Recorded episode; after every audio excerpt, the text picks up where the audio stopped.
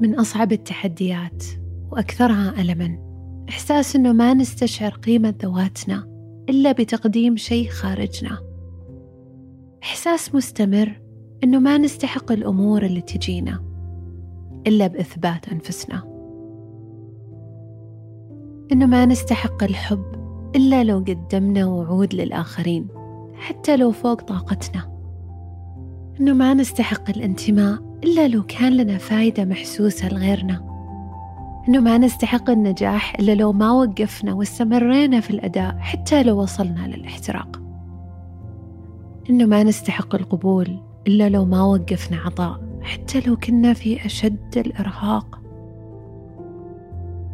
ننسى ذواتنا وننسى احتياجات أجسادنا. حتى ممكن نوصل لحد المرض والتعب.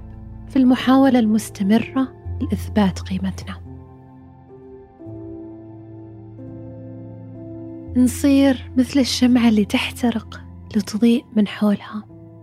بدون ما ندرك صرنا سبب معاناتنا. ألم مستمر بداخلنا لكن ممكن إيقافه. لما ندرك ما في داخلنا نقدر نغير القصة اللي نقولها. كيف؟ نكرر الفكرة الجديدة اللي فيها نستشعر السعة إلى ما تترسخ شعوريا. حتى لو في البداية ما حسينا فيها. مع الوقت شوي شوي. لما نكرر ونكرر على ذواتنا قصة مختلفة.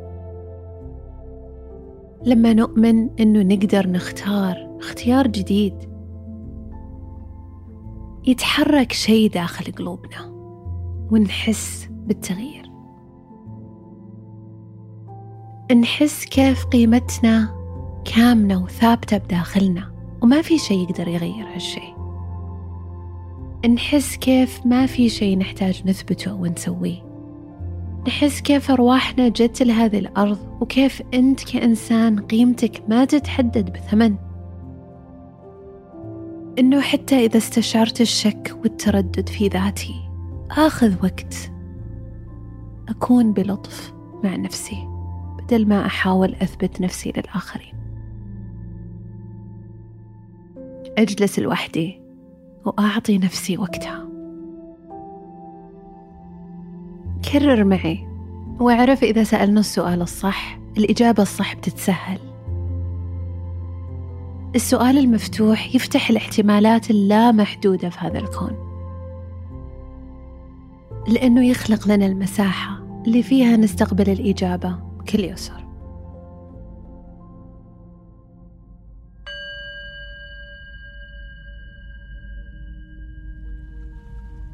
كيف أستشعر إني أكفي كما أنا. أنا أكفي كما أنا.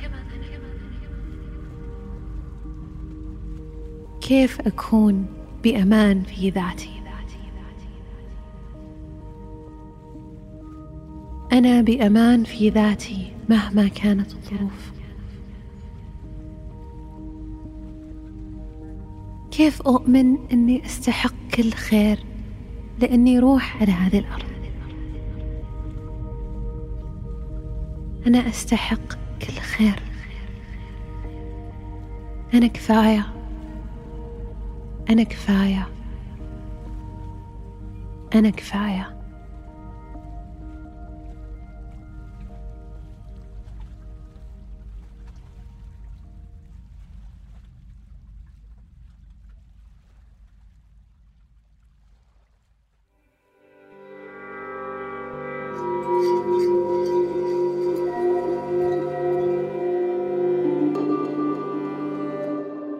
برنامج سكون من إنتاج شبكة كيرنينج كولتشرز